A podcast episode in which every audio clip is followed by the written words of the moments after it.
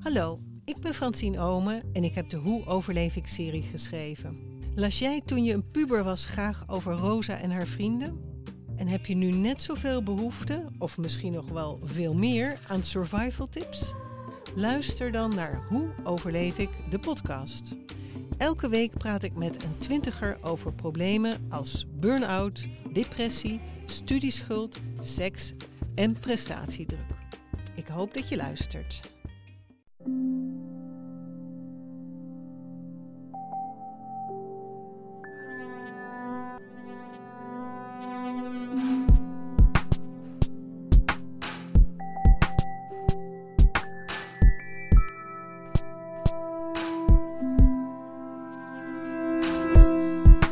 ik ben Pieter, van Relaas. In Relaas hoor je waar gebeurde verhalen en die worden verteld door de mensen die ze zelf hebben meegemaakt. Het verhaal van Robbe gaat over een iets wat mysterieuze gebeurtenis, zo zegt hij zelf. Maar een gebeurtenis met jouw eigen buurman. En iedereen heeft een buurman natuurlijk, dus daar kan je je al iets bij voorstellen. Maar ehm, Robbe zegt, met een goede buurman ben je op je gemak, en dat is ook zo. Maar de buurman waar Robbe over vertelt, ja, dat is niet de buurman zoals dat jij die in jouw hoofd hebt. Luister maar.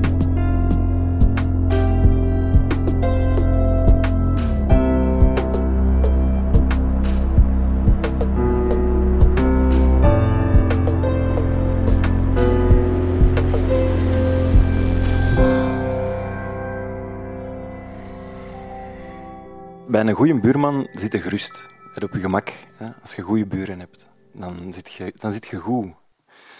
Eh, alleen mijn buurman die woont niet hier in België, maar aan de andere kant van de oceaan, in Amerika. Eh, drie jaar geleden ben ik naar Amerika geweest. Daar, eh, daar heb ik de Pacific Crest Trail gewandeld, samen met mijn toenmalige vriendin Ellen. En die had het boek gelezen van Cheryl Strait. Wild heette dat boek. Dat ging over een vrouw die een beetje ontspoord was, om het zacht te zeggen.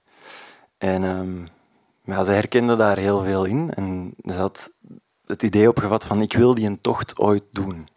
De Pacific Crest Trail is een tocht langs de westkust van de Verenigde Staten over 4268 kilometer. En uh, ze vertelt daarover. En uh, ik van opleiding ben bioloog. En ze vertelt een beetje over het landschap daar en, en wat er daar allemaal te zien is de, de, de natuurparken, de natuurpracht die dat daar te zien is. En ik ben, ik ben, ik ben meteen verkocht. Ik denk, wauw, ja, dat, is, dat is iets wat dat eigenlijk ook al lang in mijn, in mijn gedachten zat. Van, dat wil ik ooit eens zien in mijn leven. Die, die natuurpracht daar. Dus het duurt niet lang of onze neuzen staan in dezelfde richting. En we beginnen te plannen. En uh, we zoeken online op permits heb je nodig, vergunningen heb je nodig om daar te mogen wandelen. Er worden zo'n vijftigtal uitgereikt per dag. En uh, per dag mag er dus 50 man vertrekken. En uh, we zijn erbij, want dat moet snel gaan. En we hadden van, yes, oké, okay, dit gaat lukken. En we beginnen ons voor te bereiden. Vanuit ons klein Belgelandje. Uh, alles wat we nodig hebben, zoeken we op. En we gaan wat wandelen, voor zover dat dat kan, hier in België. En we zijn waanzinnig slecht voorbereid op het vlak van wandelen, toch? Maar we zijn al gesust, want we hebben met mensen gepraat die het al eens gedaan hebben. En uh, we denken toch dat we het juiste grief al mee hebben. Dus dat stelde ons al een beetje gerust. En we hadden ook gehoord dat er zoiets bestond als Trail Angels. En dat zijn echt engelen. Dat zijn echt, echt, echt mensen die dat, ja, die zitten echt daar. Um, en die helpen nu op weg. En we hadden Trail Angels gevonden in San Diego, die, uh, die ons mee op weg gingen helpen. Scout en Frodo heten die mensen.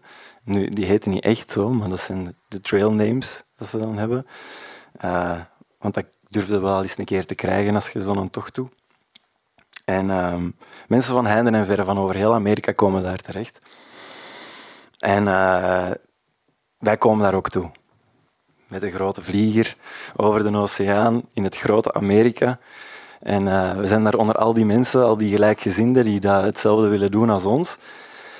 En we beginnen uh, onze postpakketten samen te stellen met ons eten. En, en we laten onze spullen zien daar ook aan de mensen die al iets meer ervaring hebben dan ons. En die, uh, die kijken naar onze rugzak, want uh, dat doen ze daar dan ook. Een pack shakedown heet dat. En dan uh, gaan ze eens kijken wat je allemaal mee hebt. En dan lachen ze vierkant uit. Dus ehm, wij zetten onze rugzak daar en ze beginnen daar alles uit te laden. En je zit er al met een bang hartje te kijken naar wat ze er allemaal uitzwieren. En zeggen van, deze is niet nodig, dit is er niet nodig, dat is niet nodig. En je zit daar naar te kijken, ja, ja, oké, is goed, dat zal wel dan. En die mensen gaan weg en je denkt van, oh, pak, pak deze toch nog wel even mee, misschien toch nog dit. Uh. Dus bon, onze rugzak, uh, een kleine 20 kilo. en uh, we zijn in, in San Diego, in Californië, de grootste staat van Amerika.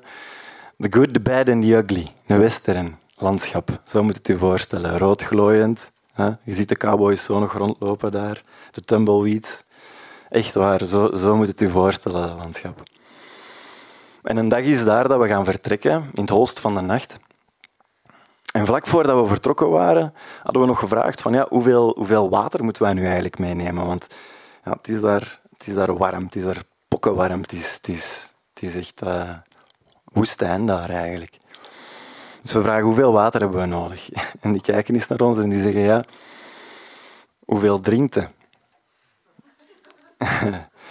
Dus ja, uh, wisten wij veel vanuit ons nat Belgenlandje hoeveel wij drinken in een woestijn. Dus uh, we denken, ja, we zullen elk maar zes liter water meenemen. Dat zal wel zeker genoeg zijn. Maar wat hadden die mensen daar ook al gezien, die dat samen met ons die een tocht gingen doen, of die dat samen toch alleszins die een dag gingen vertrekken, ik zal het zo zeggen. En die hadden allemaal een dagrugzakje mee, precies zo. Echt alsof dat die gewoon een wandelingsje gingen doen in Dardenne. Zo. En allemaal zo één flesje water met dan zo een draaidop op, waar dat dan een Sawyer Squeeze op stond, waarmee dat je water filtert ineens als je dan drinkt. Dus wij, wij waren al behoorlijk zenuwachtig. En we komen daar met de opkomende zon aan het monument van de Pacific Crest Trail aan de grens met Mexico. En uh, we staan daar met ons groepje van een kleine 50 man.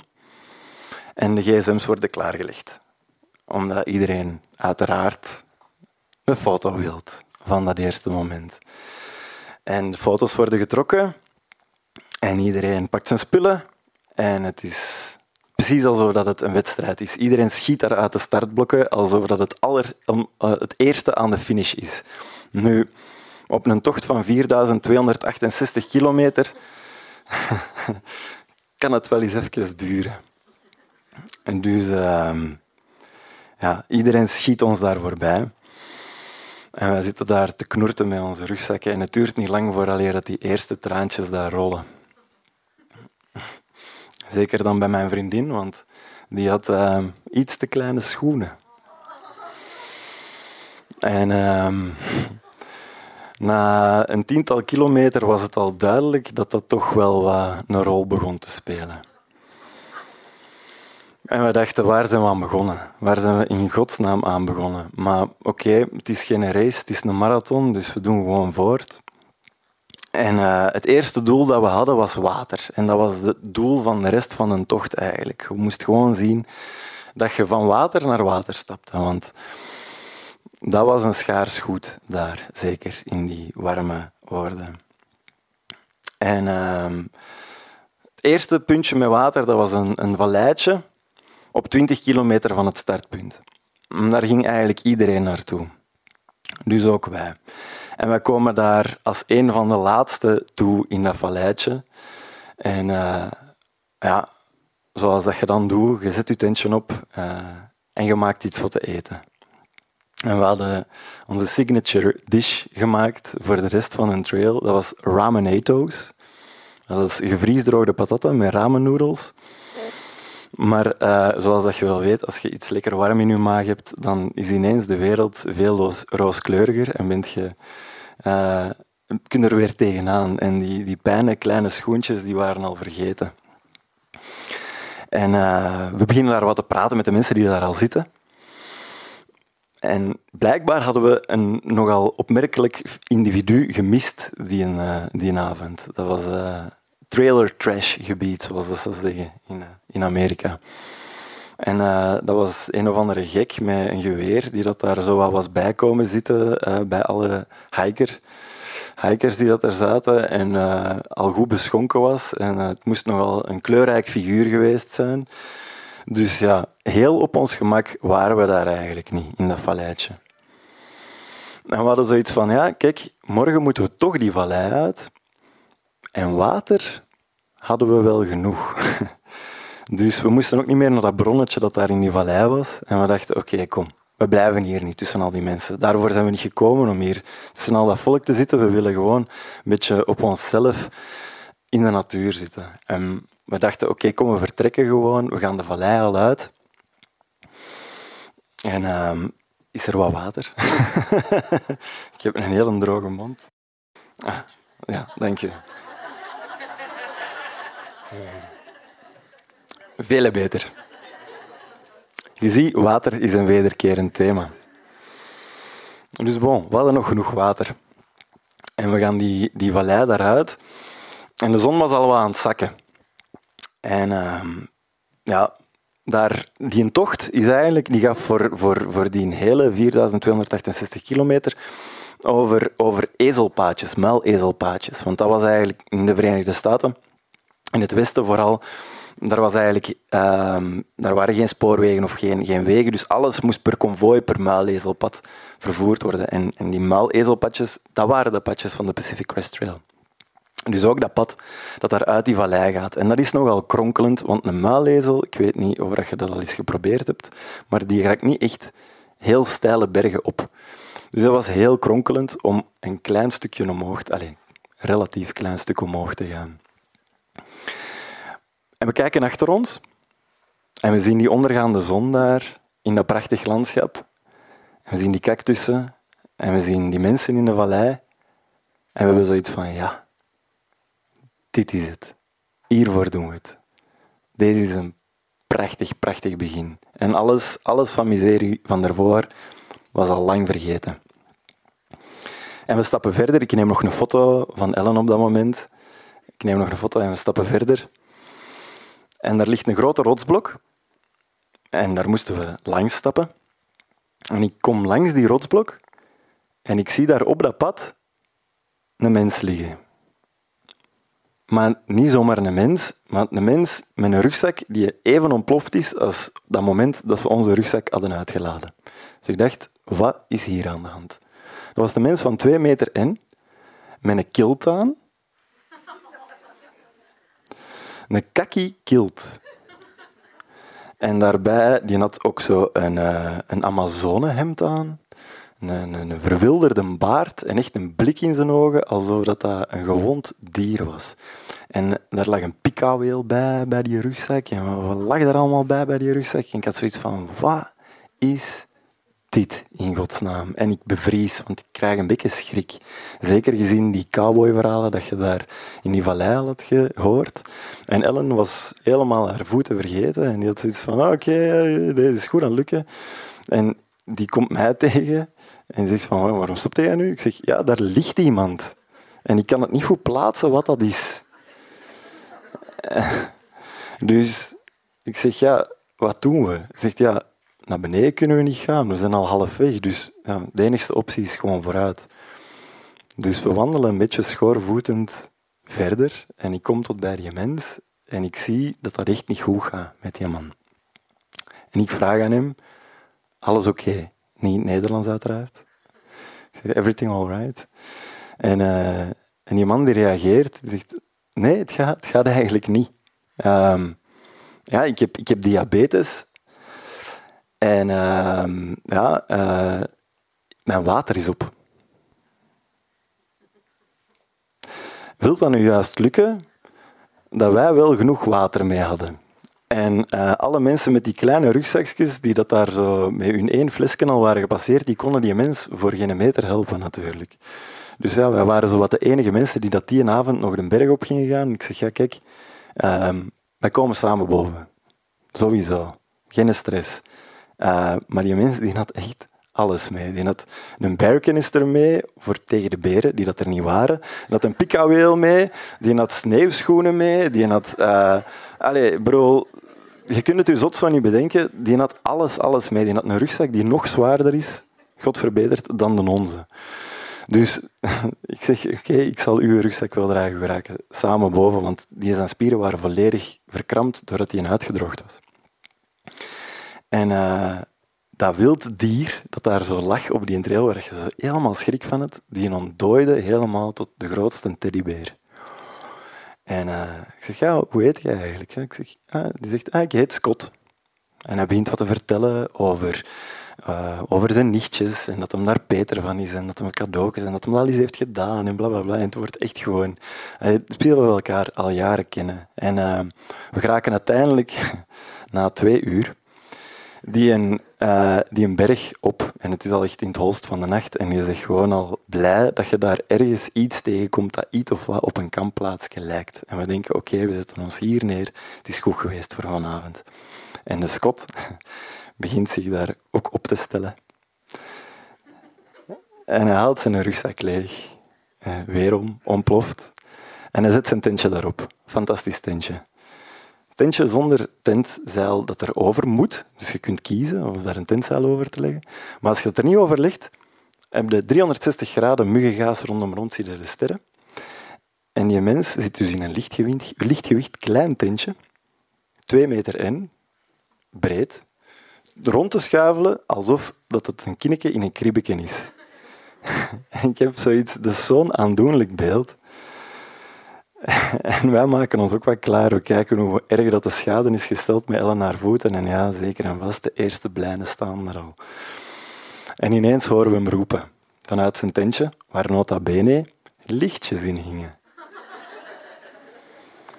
En men zat echt alles mee. We horen hem roepen. Guys, you want some candy? Want ja, iemand met suikerziekte die heeft wel al eens snoepjes bij, zo blijkt. Dus we zijn zo gecharmeerd en we zetten ons mee aan dat tentje. En we beginnen daar zo nog wat na te praten. En uh, Ellen begint over haar blijnen te vertellen. En zegt, ah, maar geen probleem, ik heb hier nog iets mee. En nu begint die blijnen te verzorgen. En we zeggen van, ah, kijk goed. En we zijn, we zijn blij dat we in ons tentje liggen. En we zoiets van, oké, we hebben die eerste dag overleefd. Maar we zeggen wel tegen de Scot van, kijk man, je moet echt je grief wegsturen. Pikauweel en sneeuwschoenen, echt niet nodig. Um, binnen 20 kilometer is het volgende dorp, daar gaat het eraf, stuurt dat op met een postpakket naar je eigen en dan, uh, dan krijg je dat zo wel terug. En zo geschieden. Hè, we wisselen nog gegevens uit, maar we dachten, we zien die mens nooit meer terug. Want allez, aan het tempo dat die ging voortgaan, dachten we, dat komt niet goed. En wij wandelen verder. En het volgende plekje waar dat we naartoe gingen, waar dat we nieuwe voorraad gingen inslagen, dat was nog vier dagen verwijderd. En we wandelen voort. Maar uh, die kleine schoentjes, die begonnen toch echt wel parten te spelen. En uh, de traantjes volgen elkaar echt wel sneller op met de tijd. En we hadden zoiets van, ja, oké, nee, deze, deze moeten we gewoon even onderbreken, gewoon voor de mentale, mentale rust. En we zetten ons daar ergens in de struiken om wat te bekomen van de ervaring en van de eerste paar dagen. En uh, we likken onze wonden en we zijn zo wat teleurgesteld, te neergeslagen. Ik denk, damn, is deze het nu? Gaan we, gaan we er echt wel geraken op deze manier? En ja, de moed zakt hem in de spreekwoordelijke schoenen. En misschien ook wel in de letterlijke. En uh, we zitten daar en we zien daar al die dagtochters voorbij joggen bijna. Zo. En dan ineens, vanuit de struiken, zien we daar iemand opdoemen. De Scott. Hey guys, you want some candy? En bij een goede buurman zit ik gerust. Daar zit ik goed. En die buurman die hebben we meegenomen voor de rest van onze zes maanden stappen. En uh, ik, ik, ik hoor die mensen tot op de dag van vandaag. En het wil nu echt, echt lukken. Ik heb die mens van jullie niet meer gehoord. En vanavond stuurt hij mij een bericht. En hij stuurt mij, ik zal het u voorlezen. Hi Robba, I'm just checking in, in on you and making sure you are okay. How are you doing? I miss you. Much love. Dus op goede buren kunnen rekenen.